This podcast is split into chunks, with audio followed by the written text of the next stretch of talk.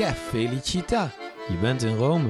In deze podcastserie nemen de begeleiders van de Rome-reis van het Stedelijk Gymnasium Arnhem je mee langs de mooiste plekken in Rome.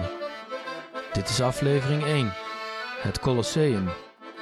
Ik ben Frank van der Ros en ik sta hier met Martine Drogendijk voor het Colosseum. Wat maakt dit monument voor jou zo bijzonder? Eigenlijk is dat een hele rare vraag. Hè? Want ja, het Colosseum is voor iedereen bijzonder. Het, het is per definitie bijzonder. Ik bedoel, je kan er niet omheen. Het is nogal een groot geval. Het is natuurlijk een van de weinige gebouwen uit de oudheid in Rome dat nog zo vier overeind staat. Al is het van binnen natuurlijk een zooitje. Maar eh, goed, deze twee eh, tamelijk banale feiten zorgen er ondertussen wel voor dat mijn hartje nog altijd sneller gaat kloppen als ik de muren zie oprijzen in de verte als ik aankom lopen vanaf de Via dei Fori Imperiali. En ik ben er inmiddels al zo'n twintig keer geweest. Oh, echt? Denk ik. Ja, ja.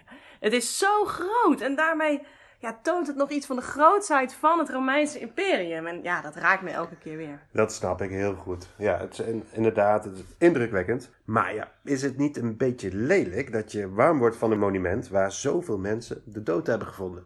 Ja, die berichten heb ik ook wel eens gehoord, maar dat wordt allemaal zwaar overdreven, hè? Dat is allemaal fake Oh. nieuws. Echt?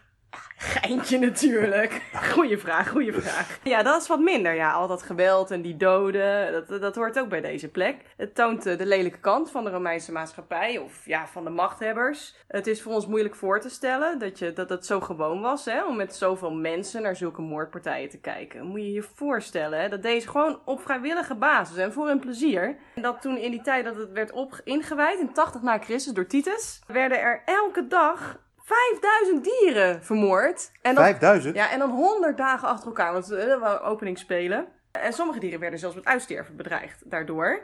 Zo. Dus ja, het is allemaal niet zo fraai. En nog erger, toen het eh, gebouwd werd, dit amfitheatrum, door keizer Vespasianus, eh, zo'n tien jaar eerder, werden er 12.000 Joodse slaven voor gebruikt. Want ze hadden toen net Jeruzalem veroverd en er was, ze moesten een opstand neerslaan daar of zoiets. Dus met al het buit die ze daar gemaakt hebben, hebben ze dit ook bekostigd, dit hele, hele bouwwerk. En, en, die 12.000 slaven, die zijn gewoon, daarna gewoon allemaal vermoord. Oh, Zo ging dat, ja. Eh gladiatorengevechten eh, of, of gewoon op een andere manier. Ja, nee, echt gezellig is dit niet, nee. nee. Hey, maar eh, waarom vonden die Romeinen dat dan zo normaal? al die slagpartijen, weet je dat? Ja, dat is moeilijk te zeggen, hè, zo'n 2000 jaar later. Maar er is wel wat onderzoek naar gedaan. En ze denken dat het iets te maken had met het feit dat het volk een uitlaatklep nodig had. Als ze gratis naar geweld kunnen kijken, ja, dan, dan zullen ze zich verder wel koest houden. Oh ja. Zullen we naar binnen gaan? Nou, dat is een goed idee.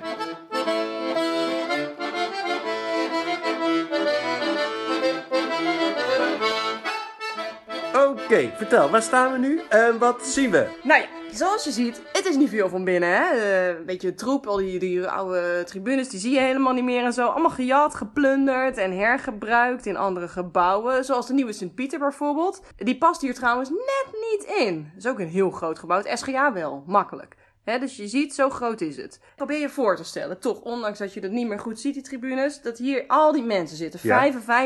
55.000 mensen. Hè, die zitten- 55.000 mensen konden erin. Absoluut. En die zitten te kletsen, te- roepen, te schreeuwen, al dat lawaai. Hier zaten die Romeinen. Mannen, vrouwen, arm, rijk, keizers, slaven, kinderen. Hier gebeurde het. Gladiatoren die elkaar de keel afsneden. Die, die als ze het overleefd hadden aan, aan, aan de noordkant bij het forum naar buiten renden. Om het bloed van hun bezweten lijf te wassen in die fontein. Die stond daar. Al die dieren die via kooien en liften de arena in werden gestuurd om met elkaar te vechten. En met mensen te vechten. Die gevangenen die hier in, in de pauzes, hè.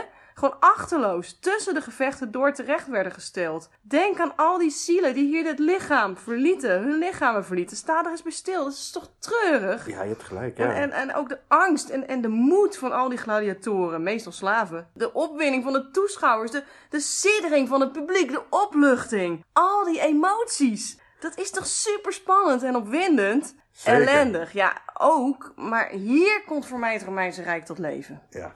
Nou, ik snap dat helemaal. Dankjewel dat je ons meegenomen hebt naar jouw favoriete plek. Dit waren Martine Drogendijk en Frank van der Rolst vanuit Rome.